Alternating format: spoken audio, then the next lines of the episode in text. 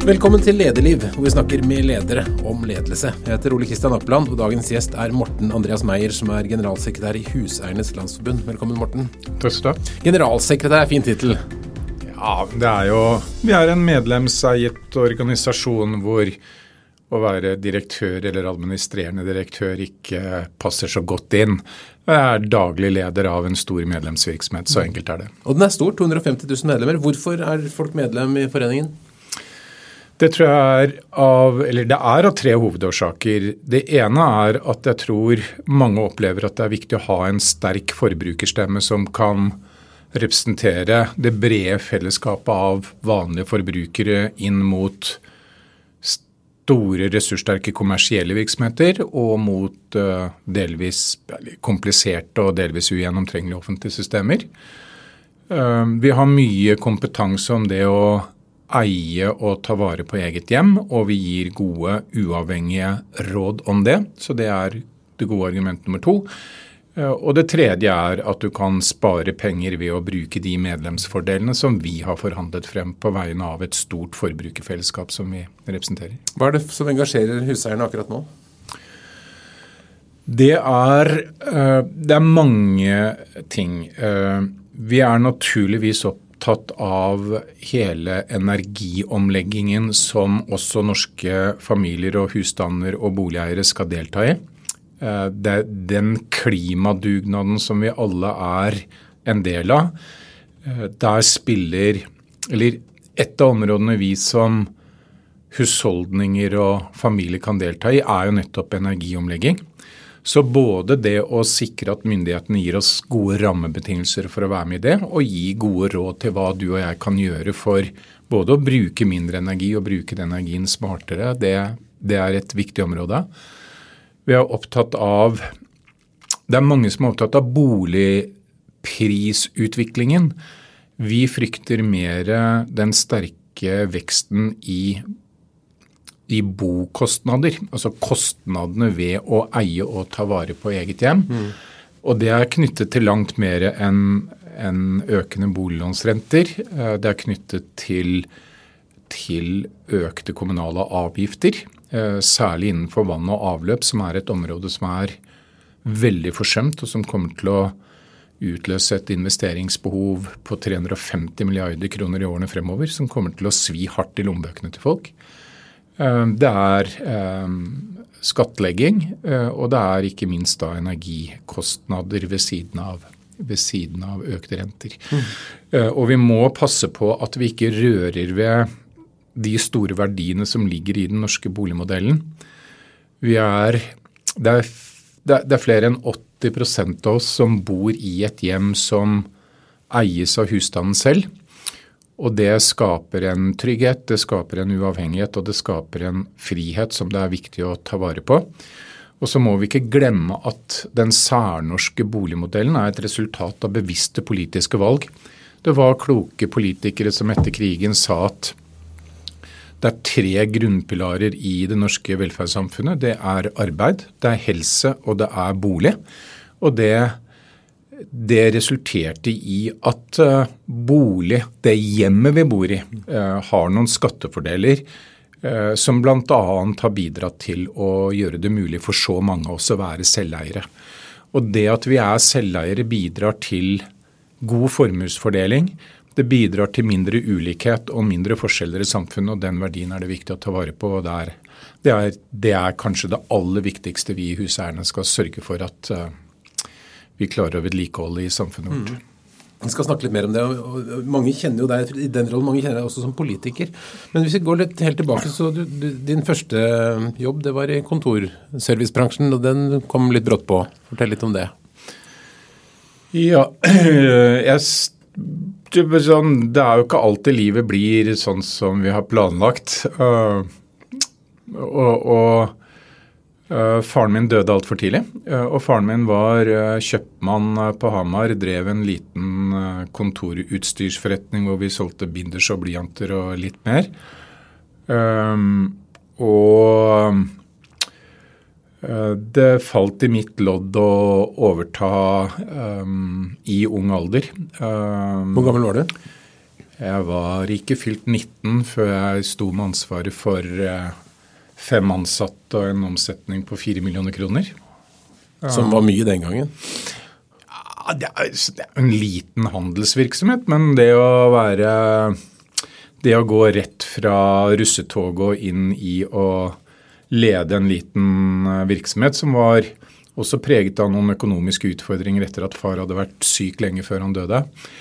Um, det Ja, hva skal vi si. Du blir fort voksen, og du lærer jo litt av det. Hadde du noe, gjort deg noen tanker om ledelse før det? Jeg, jeg det syns jeg er vanskelig å si. Uh, jeg hadde hatt uh, lederoppgaver i ungdomspolitikken. Jeg hadde vært patruljefører i Speideren. Om det gjenspeiler noe uh, bevisst driv mot lederrollen eller noe særegne egenskaper som gjorde deg rusta til å være leder, det, jeg, jeg skal være forsiktig med å svare på det. Men hvordan løste du den oppgaven? Um, det ligger um, Det far hadde tydelig gitt uttrykk for hvor viktig det var for ham at jeg gjorde den jobben, i hvert fall for en periode. Uh, så det var det var jo drevet av en ganske sterk pliktfølelse, og jeg tror det er en det er noe som har fulgt meg gjennom resten av livet også. altså at sånn Plikt eh, er Det er noe som ikke er et tyngende åk, men en, en viktig verdi å ha med seg. Uh, og så er det jo en periode av livet hvor det er mye energi og entusiasme og arbeidslyst. Så jeg tenker forhåpentligvis en del sunn fornuft på den ene siden og veldig mye arbeid på den andre gjorde at jeg kunne avvikle, eller ikke avvikle, men jeg solgte virksomheten 22 år gammel. Uh, hadde skapt orden i økonomien som gjorde at, at mors hus, som var, var sikkerhet for kassakreditten, ble gjort opp.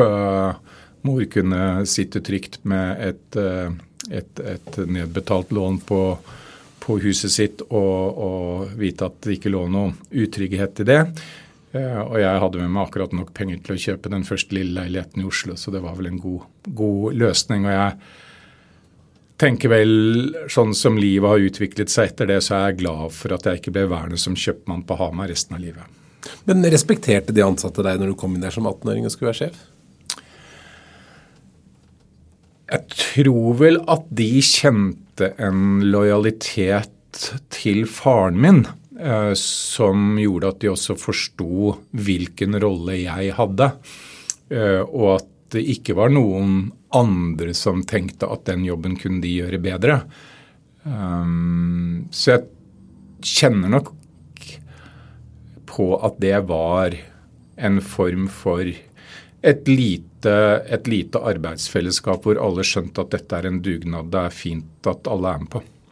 Men det må ha gitt noe mersmak, for det fortsetter jo litt i bransjen. og Du jo, tok også lederansvar videre? Ja da, altså jeg um, Du vet når du har vært fire år i arbeidslivet og begynt å tjene penger, um, så er det jeg, jeg, var ferdig med dette i 1982, hadde bestemt meg for å studere juss og hadde meldt meg opp til det. Eh, men så er det en av disse leverandørene jeg har hatt mye kontakt med gjennom de fire årene jeg drev den lille kontorrekvisitabutikken på Hamar, som spør om jeg vil inn og ta en rolle hos dem. Og da begynner, ja, da begynner snøballen å rulle, og så blir det mange år med lederoppgaver i eh, egentlig noe så det høres sikkert uspennende ut, eh, kontorrekvisitabransjen, eh, men eh, kanskje den mest lærerike perioden av yrkeslivet mitt med hvor jeg beveger meg mest i det jeg tror er riktig retning også i forhold til det å utøve lederskap. da. Slår meg at det er mye av det vi hadde av kontormaskin på 80-tallet som kanskje ikke er så relevant i dag. altså Alt fra stiftemaskiner, hullemaskiner, korrekturlakk og sånne ting som begynner å bli en sjeldenhet i norske, norske kontor.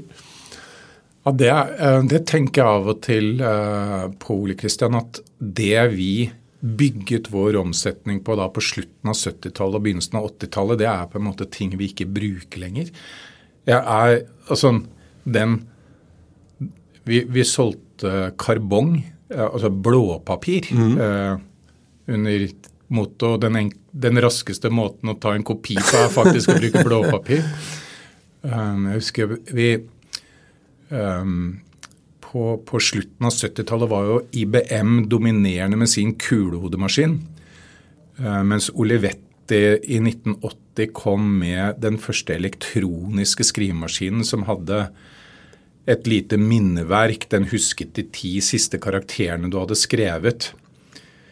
Eh, den solgte jeg fire stykker av våren 1980. Den kostet 13 000 kroner. Eh, det forteller jo litt om eh, hvordan teknologien har utviklet seg, hvor kapasiteten har ja, ikke bare mangedoblet seg, men, og, og prisene har falt. Men det er nå en historie. Så jeg har solgt personsøkere og telefaksruller og Våre yngre ledere, lesere er nødt, nei, lyttere er nødt til å google, google sånn blåpapir. Ja, vi skal få ta det en annen gang. Mm. Men eh, underveis her så, kom, så, ble du interessert i politikk og kom inn i, i, politikken. Hva var det som lokket deg til en politisk karriere? Jeg har vokst opp i en, eh, jeg er vokst opp på Hamar, som er en ganske tradisjonell sosialdemokratisk by. Um, det var ikke det var ikke sjekketriks å bli medlem av Unge Høyre på, på Hamar. Um, den politiske interessen ble uh, fanget rundt kjøkkenbordet hjemme med foreldre som uh, var samfunnsengasjert. Jeg var ikke gammel nok til fullt ut å forstå hva, uh, hva EF-debatten egentlig dreide seg om, men jeg, men jeg skjønte på fars engasjement i, eh, under EF-avstemningen at dette var, dette var, viktig. Så jeg meldte meg inn i Unge Høyre eh, på Hamar i 1975. Og så ble jeg ung, eller den yngste kommunestyrerepresentanten på Hamar i 1979. Det førte meg også inn i formannskapet og mange morsomme altså, Eller morsomme, men interessante lærerike opplevelser. Og det førte meg også inn i ledelsen i Unge Høyre. Jeg satt i sentralstyret i Unge Høyre på Høyres uh, virkelig glanstid uh, og de første årene med Kåre Willoch. Mm. Ja. og så kjente jeg nok på at det å planlegge en politisk karriere var ikke det jeg hadde lyst til. Så i 1984 var den politiske karrieren uh, lagt på hylla for en ganske lang periode. Og Så dukket det opp i rikspolitikken som statssekretær for Erna i Kommunal- og regionaldepartementet i 2001. Og Det må jo ha vært stas og, og, spennende å jobbe sammen med, eller tett på Erna Solberg? Ja, selvfølgelig. Uh, hvis noen spør deg om å ta en sånn rolle, uh, så skal du si ja. Uh, det, er, det er jo en fantastisk mulighet til å se å lære om samfunnet fra en rolle som ikke ligner på noe annet.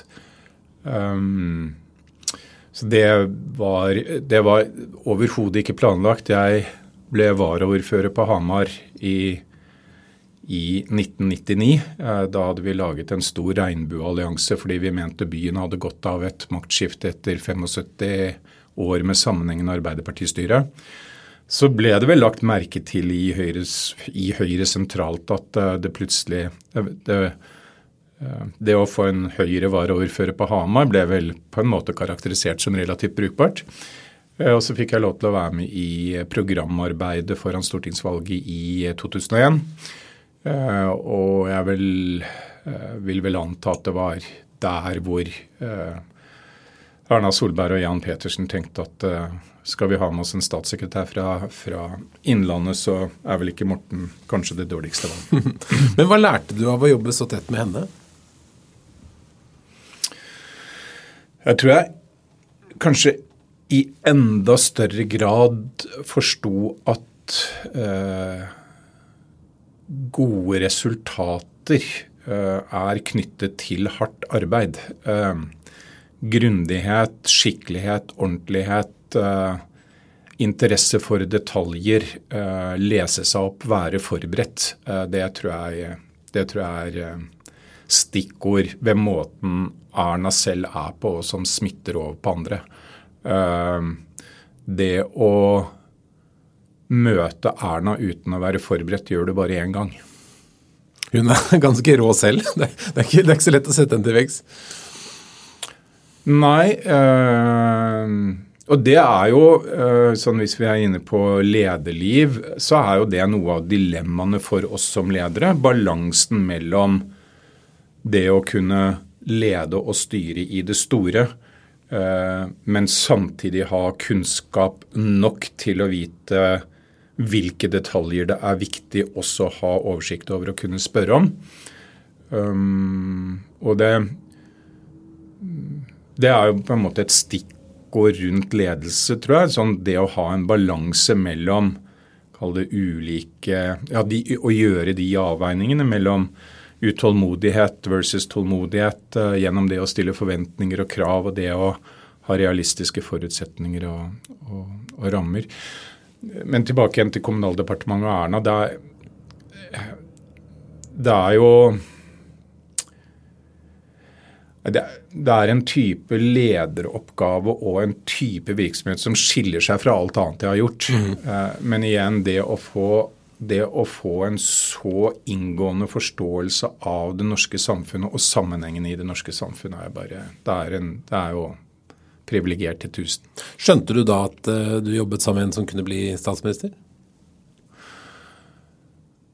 Ja, det skjønte vi jo da Erna i 2004 var den åpenbare lederkandidaten.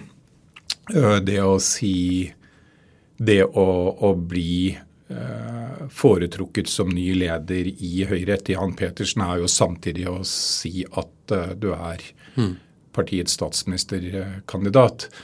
Men jeg, men jeg, tror nok både vi som jobbet sammen med Erna fra 2001, um, og de som på en måte observerte henne fra 2001, de, jeg, jeg, tror vel det var de årene i Kommunaldepartementet som dokumenterte for omgivelsene eh, hvilke lederkvaliteter og hvilke politiske kvaliteter hun hadde, og som mm. kvalifiserte henne for den oppgaven. Hvilke kvaliteter vil du trekke frem, bortsett fra det da å være veldig orientert og, og sette seg inn i ting?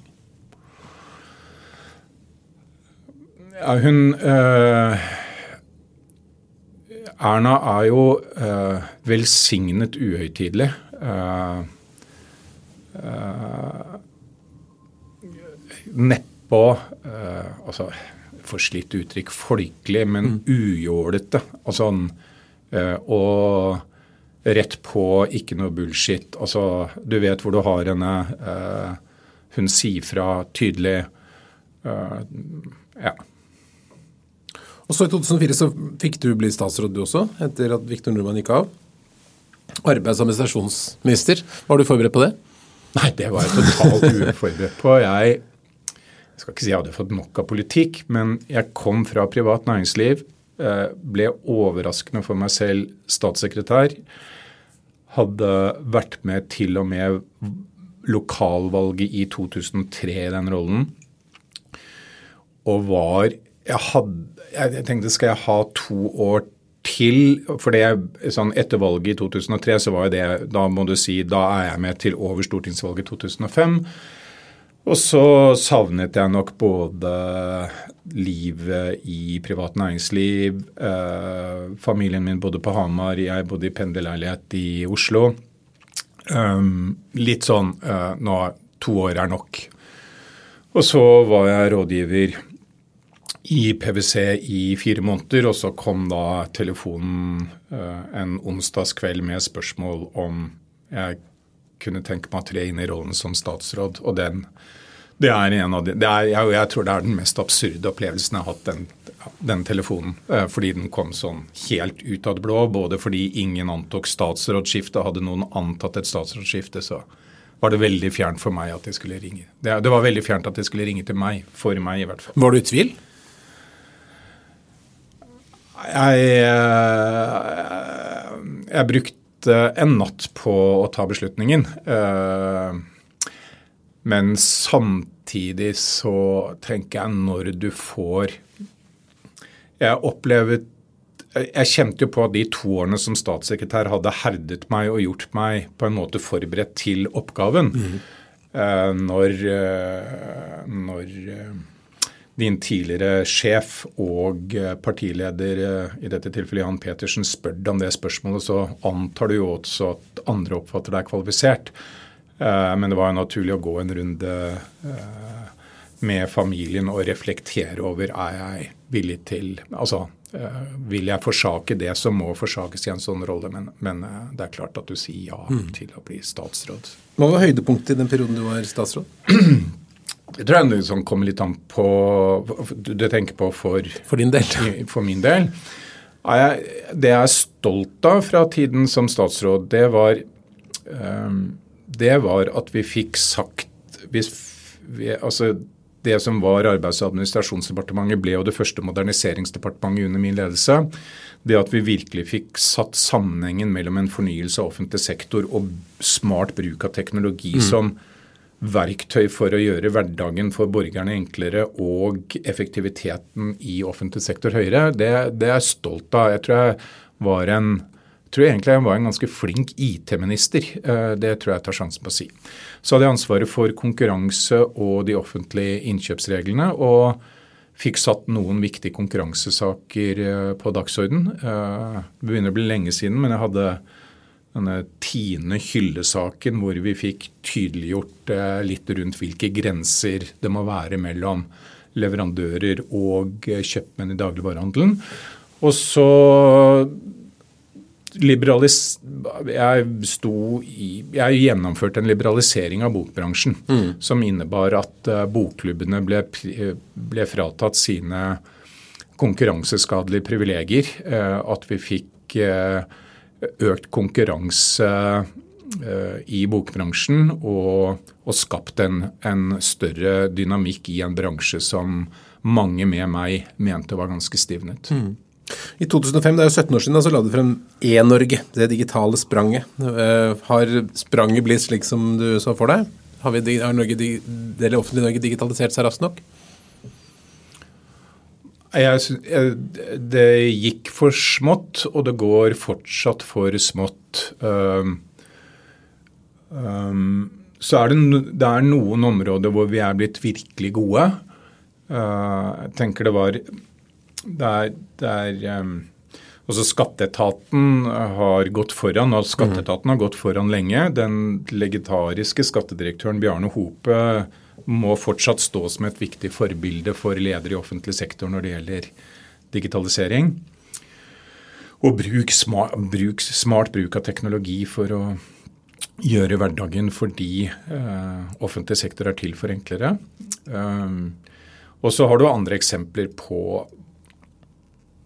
hvordan manglende, si, manglende kunnskap og evnen til å følge med hva som skjer i teknologiverdenen, står, for, står i veien for gode løsninger. og der, der er jo én innbygger, én journal som helseminister Jonas Gahr Støre presenterte i 2011, og som fortsatt er milliarder av kroner og mange år unna et skrekkeksempel mm. på hvor galt det kan gå. Går det an å si ja, Du har ikke vært inni det, men har du noe inntrykk av hva som har skjedd der? Hvorfor har det gått så gærent?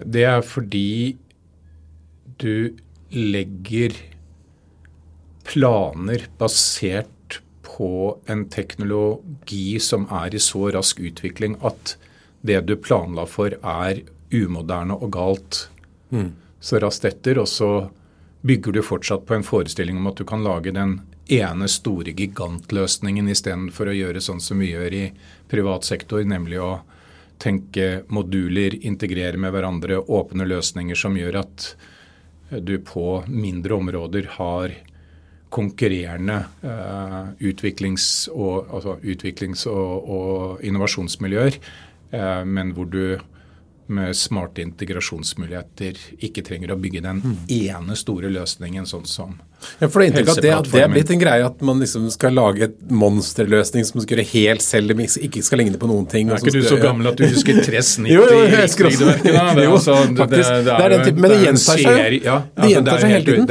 Helt, det er jo helt utrolig. Og det ja. Men er det fordi altså Nå har du vært i konsulentbransjen. Er det fordi at det offentlige blir lurt av, av konsulenter som skal dra dem ut på?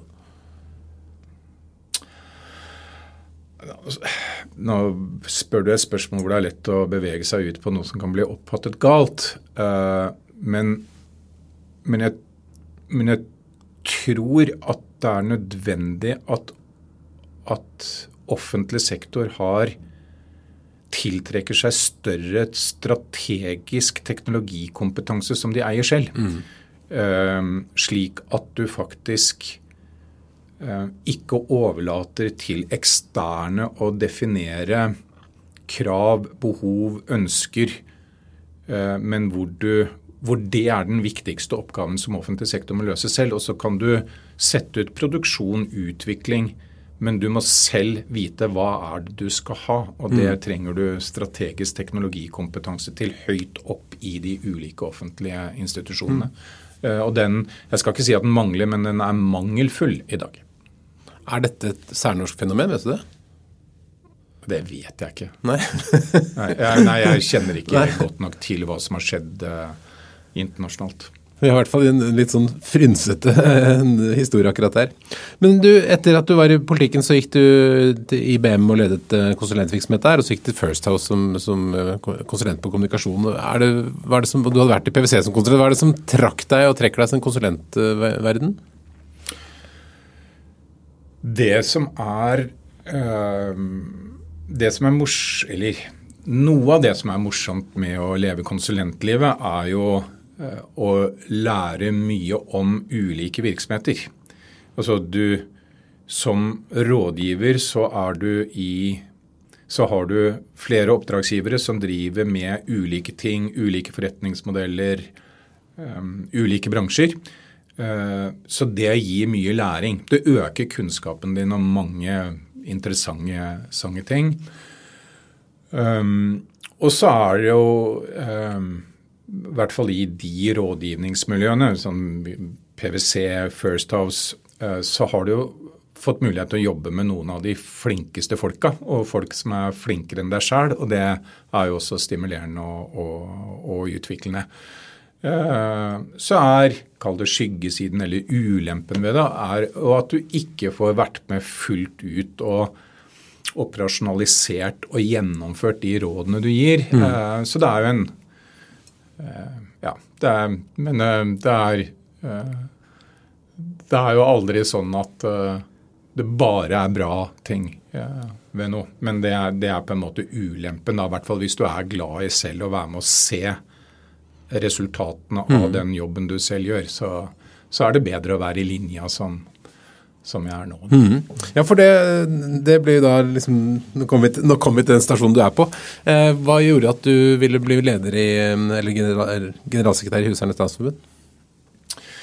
Jeg har Jeg begynte å jobbe da uh, jeg var 18. Uh, 1978. Mai 1978 begynte jeg liksom fulltidsarbeid. Med unntak av de fire årene i politikken så har jeg bare jobbet i bunnlinjeorientert kommersiell virksomhet. Eh, så jeg ble punkt én trigget litt av det å jeg skal være forsiktig med å si avslutte arbeidskarrieren, men i hvert fall ha en del av arbeidskarrieren i en virksomhet som har kunder, men hvor kundene er medlemmer, men som ikke har aksjonærer som skal ta ut eh, avkastning på investert kapital, eh, som ikke skal løpe etter en bunnlinje. Så det var sånn fint å kunne arbeide i den type organisasjon som var annerledes enn det jeg hadde gjort før. Og så er det jo den, det å kunne bruke teknologierfaring, politikk, eh, kommunikasjon, leder, omstilling, moderniseringserfaring til å lede en virksomhet som er viktig for mange. Eh, vi er en av de aller sterkeste forbrukerstemmene i Norge. Eh, vi bryr oss om noe av det aller viktigste eh, nordmenn har, nemlig hjem og bolig. Eh, og det å være med å utvikle en virksomhet som kan være med å skape positiv forandring for mange mennesker, det kjennes ganske meningsfylt. Mm. Så det er, Det er gøy å, og det er fint å stå opp om morgenen og gøy å gå på jobb og vite at det vi skal holde på med i dag, det er, det er viktig for veldig mange mennesker, det vi holder på med. Hva var bestillingen til deg fra styret når du begynte her for fem år siden? Det var å eh, både videreføre den fantastiske suksessen og veksten som eh, Peter Batta hadde ledet huseierne gjennom i gjennom 30 år, og samtidig gjøre en ganske kraftig fornyelse og modernisering av eh, virksomheten. Både å bredde ut temaene som huseierne skulle bry seg om, uh, ta i bruk uh, ny teknologi for å styrke attraktiviteten inn mot kanskje den yngre delen av, av medlemsmassen og potensielle medlemmer. Og, og også fornye måten huseierne jobber på som samfunnsaktør og viktig medvirker i politikkutforming som betyr noe for landets boligeiere. Mm. Hvilke saker bruker du tid på hvis du treffer en viktig politiker, og hvilke eh, ting vil du forandre politisk? Hvilke saker? Mm. Ja, igjen, nå er vi, eh, vi vi bruker mye tid på å få politikerne til å forstå hvordan utviklingen i kommunale avgifter kommer til å slå inn i husholdningsøkonomien. Mm. vi arbeider mye nå med egentlig ikke å endre eh, designet på kraftforsyningen i Norge, men vi må få til en helt annen eh, byrdefordeling og en helt annen og mer rettferdig fordeling av de store samfunnsøkonomiske gevinstene som det europeiske energimarkedet gir Norge. Eh, det er helt urimelig at eh, de store gevinstene Norge som nasjon har, betales av norske strømkunder. Eh, vi er naturligvis opptatt av det regelverket politikerne rår over som kan være med å styrke konkurransen. Vi er naturligvis opptatt av hva regjeringen og Stortinget kan gjøre for å øke konkurransen bankene imellom. Mm -hmm. Hvor vi hvor vi mener det er noen enkle grep som kan bidra til uh, en sterkere konkurranse på boliglånsrenta.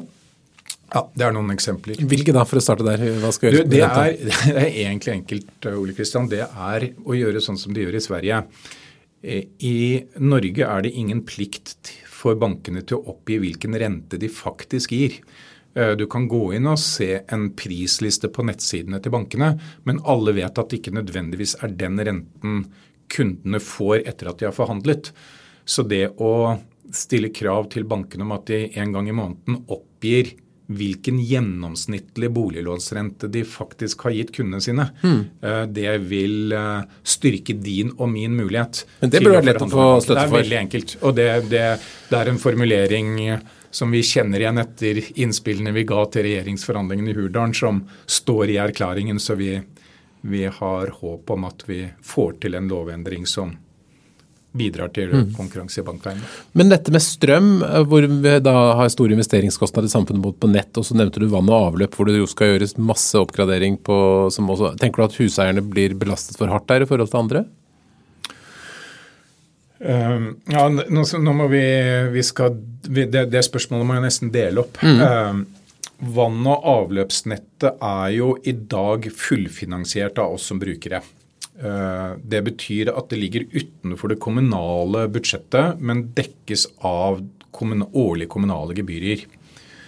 Så sier vi at med det vedlikeholdsetterslepet og investeringsbehovet som er på vann og avløp, så kan den regningen bli så stor at det er uholdbart for altså, Det er ikke mulig å skrive ut et årlig gebyr til en familie i Nord-Gudbrandsdalen på 40 000 kroner i året.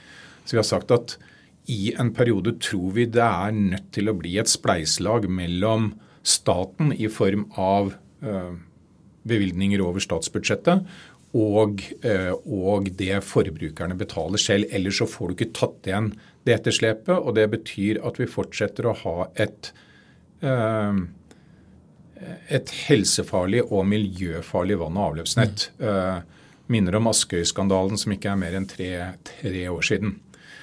Eh, Så det, det, er den ene biten. Den andre biten er energi, hvor selve strømnettet jo også har samme Det, det betales fullt ut av oss som forbrukere gjennom nettleien.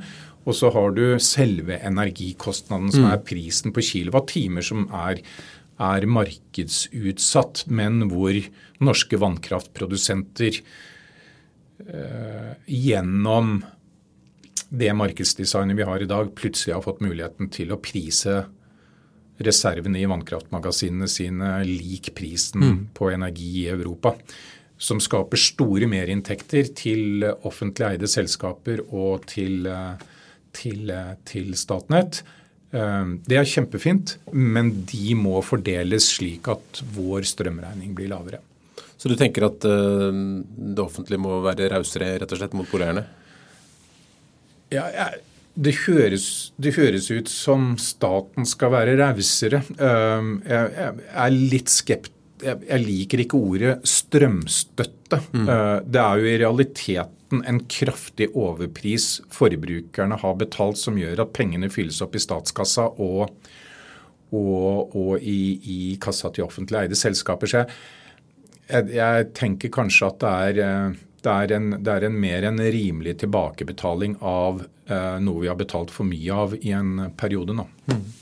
Men i en situasjon hvor veldig mange sliter med å komme inn på boligmarkedet, og nye boliger er veldig dyrt og, og vanskelig for unge, er det, ikke, er, det vanskelig å vinne sympati for boligeierne, som faktisk har en bolig og sitter og koser seg med? Ja, det har jeg lyst til å utfordre deg litt tilbake, fordi at du, du um, det blir, eh, det blir, etablert en historie om at det er så vanskelig å komme inn på boligmarkedet. Eh, det er tall som tyder på at det er et ganske nyansert bilde. Jeg tror jeg underslår ikke at det å være alene i de mest attraktive områdene, og kanskje særlig i Oslo, med en helt ordinær inntekt, det er krevende. Mm. Men samtidig så vet vi at andelen førstegangskjøpere, også i Oslo, vokser ganske betydelig.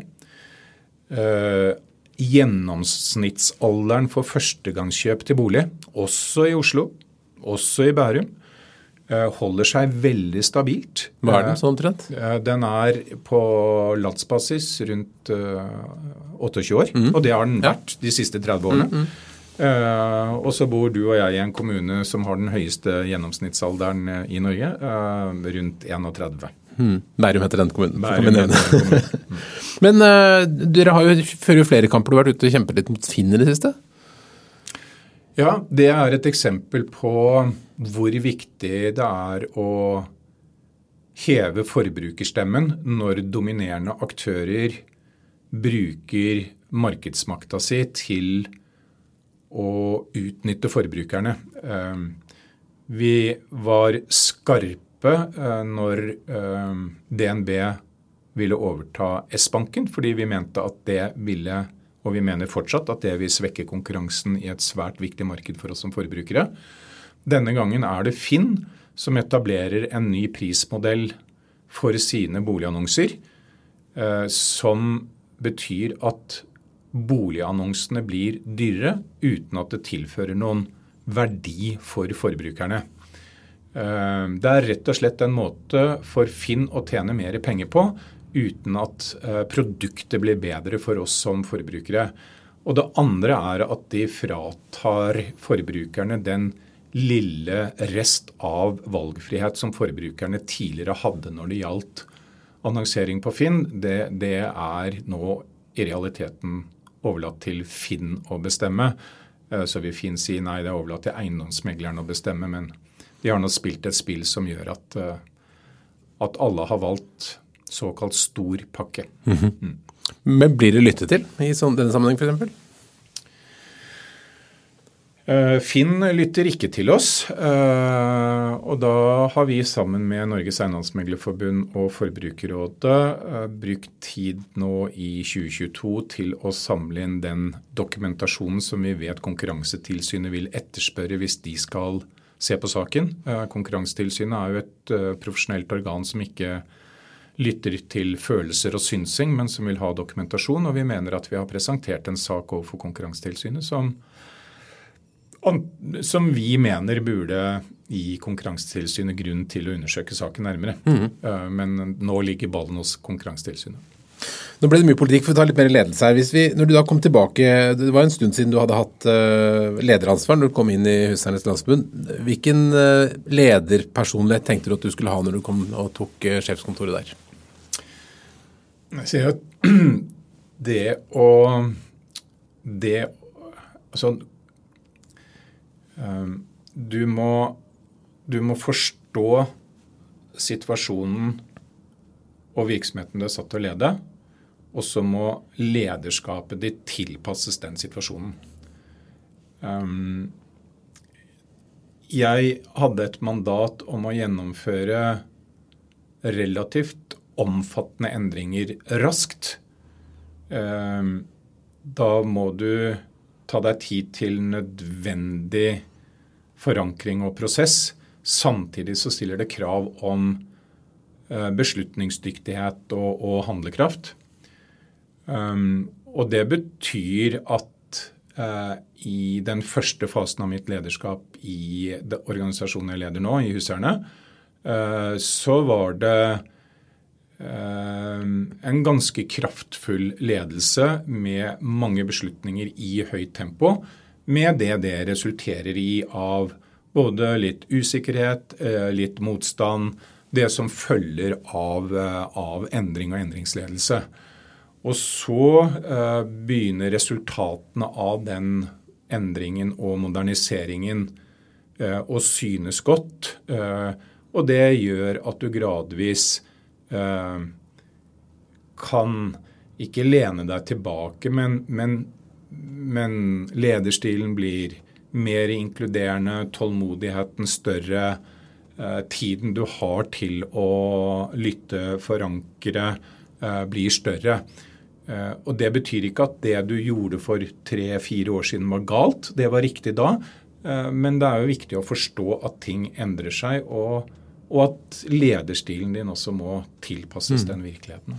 Tenker du at det kan være nødvendig å, med litt motstand å bli litt upopulær når du skal gjøre endringer? Ja, du kan ikke unngå det. Eh, og jeg tror, jeg tror, norsk, jeg, jeg tror norsk lederskap i for stor grad preges av at vi vi er ukomfortable med eh, uenighet. Eh, vi er opptatt av å være godt likt og populære. Eh, godt lederskap innebærer at du fra tid til annen må tåle å stå i stormen. Du må tåle at du må tåle dårlige tilbakemeldinger på en medarbeiderundersøkelse. Du må, du må, ja, du må rett og slett tåle å å, møte den motstanden. Tenker du at man får til mer hvis man tåler å være upopulær?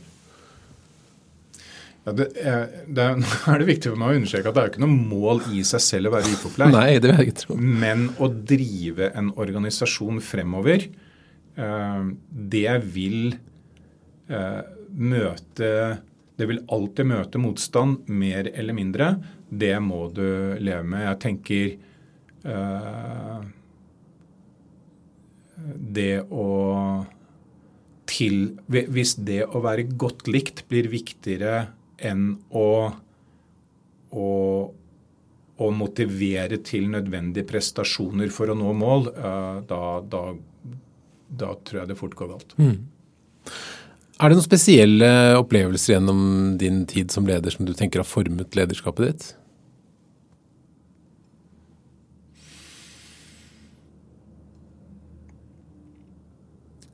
jeg syns det er vanskelig å peke på enkelthendelser. Eh, men, men, jeg tror over tid eh, Så det skjer jo noe med modenhet, evne til refleksjon. Jeg tror eh, kanskje det spørsmålet som både medarbeidere, kolleger, ledere i litteratur har kall det stimulert og utviklet over tid, det er tanken på hvordan ønsker jeg å fremstå? Uh, og hvordan fremstår jeg? Uh, og av og til få noen ubehagelige tilbakemeldinger på at slik du ønsker å fremstå, er ganske annerledes enn slik du oppfattes mm. av andre. Og det å være bevisst på og det, det å få de fra tid til annen få kanskje det som oppfattes litt som en ørefik og en relativt brutal tilbakemelding, er en viktig del av det å utvikle deg som leder og korrigere kurs når, når du har gjort ting som ikke er smart i forhold til det lederskapet du ønsker å mm. utøve. Da. Og slik du ønsker å bli oppfattet. Hva grubler du mest på i den jobben du har i dag?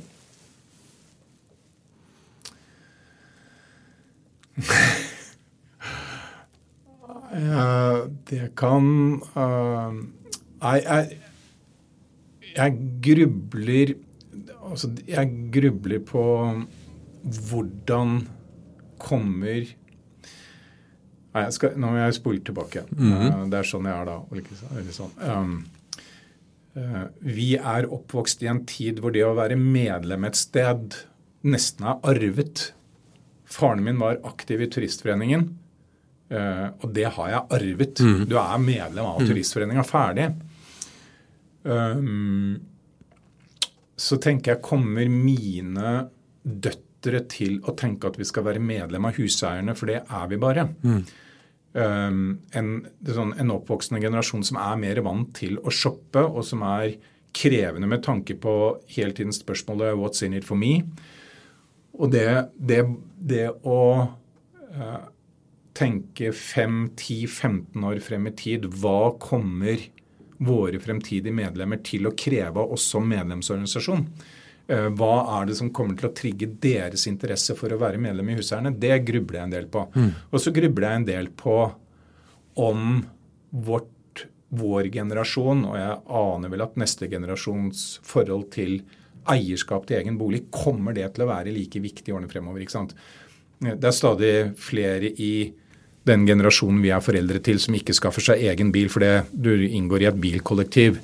Vil det å eie eget hjem være mindre viktig eh, 20-30-40 år fram i tid, og hvordan vil det påvirke en, en virksomhet? For der er det litt annerledes enn en del andre land, så leier man i større grad? Ja da. Eh, vi, er, altså, vi, er, jo helt spesielle i Norge. Du skal jo ikke lenger enn til uh, til Sverige, hvor leieandelen er rundt, eh, rundt 50, 50 eh, mens det i Norge da er rundt 20 Så det er stor mm. forskjell. Når koser du deg mest med jobben? Ja, det varierer eh, veldig. Jeg kan Jeg kjenner at det gir glede når jeg kommer opp i kantina og det er høy stemning til lunsjen. Uh, morsomme samtaler både om jobb og om ting som tilhører den private sfæren på tvers av uh, funksjoner og avdelinger og sånn. Det gleder jeg meg veldig over. Um, jeg gleder meg naturligvis over å få oppmerksomhet rundt saker vi syns er viktige for landets boligeiere i når, når når media bruker oss som kilde fordi de oppfatter oss som viktige, troverdige, skikkelig, ordentlige Eh, det gleder meg. Eh, eh, det gleder meg når jeg kan åpne Power BI og se på medlemstallsutviklingen som har vært fra i går til i mm. dag.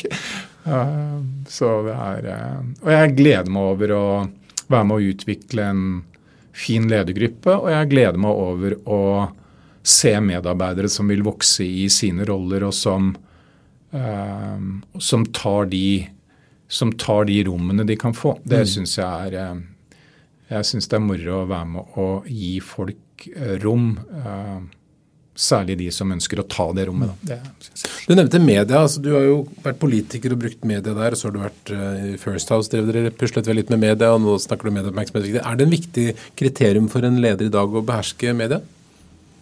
Det kommer vel litt an på hva slags virksomhet du leder. Eh, men jeg mener at du som leder skal eh, Du skal forstå eh, med muligheten media gir til å sette viktige saker på dagsorden.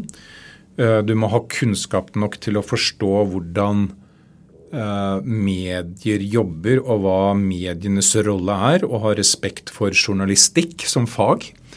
Um, um, og, og, ha en kunnskap om hvordan redaksjoner jobber. Uh, for en, kall det en vanlig næringslivsleder, så skal du være oppmerksom på hvor Du skal være forberedt på å kunne håndtere et negativt søkelys på virksomheten din og vite hvordan, og være forberedt på hvordan du skal håndtere det.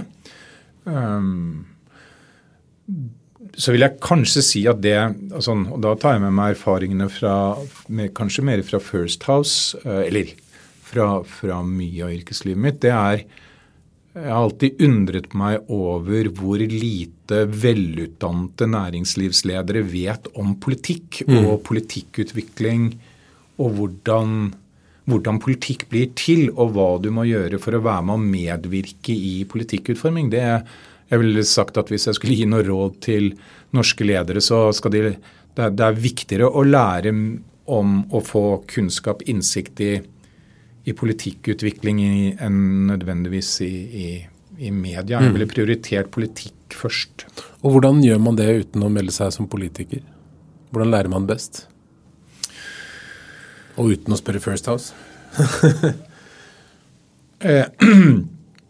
Jeg tror du må bruke uh, du må bruke litt tid på å lese da, mm. uh, og, og, forstå forholdet. altså Det går jo an å lese seg litt opp på egen hånd i, i hvordan embetsverk og politikk fungerer. Og så tror jeg også at det er mange politikere som faktisk vil bruke tid sammen med deg til å fortelle deg litt hvis du, hvis du spør. Mm.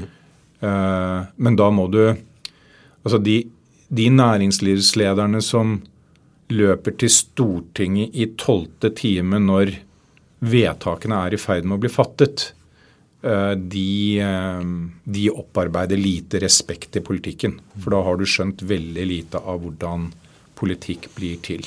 Det er vel noen i organisasjonslivet også som har litt å lære av det, tror jeg. Ikke bare bedrifter. Og det, det, det å forstå at det sånn eh, Det egentlige arbeidet starter når et offentlig utvalg blir nedsatt og mandatet er formulert. Det starter når partiene nedsetter sine programkomiteer og starter arbeidet med prioriteringer foran neste stortingsvalg eller neste kommunevalgsprogram. Eh, det er lange prosesser eh, mm. som ligger til grunn når politiske beslutninger eh, forankres i et stortingsvedtak. En god oppsummering sånn før påsken. Kanskje folk kan bruke påskeferien til å lese litt. Helt til slutt, Morten, hvis det kommer en ung person til deg og sier jeg vil gjerne bli en god leder, hva er de tre viktigste lederrådene du vil gi?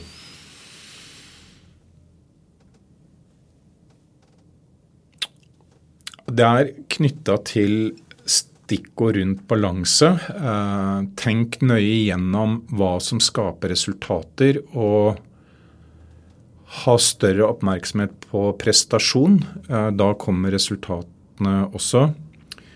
Eh, vær bevisst på balansen mellom prosess, forankring og evne til å lytte eh, mot det å ha evne til å fatte beslutninger og, og utøve handlekraft. Og vær tydelig på å uttrykke forventninger og krav du har til eh, egne medarbeidere og omgivelsene dine. Og ikke vær redd for å gi tilbakemeldinger. Det liker folk.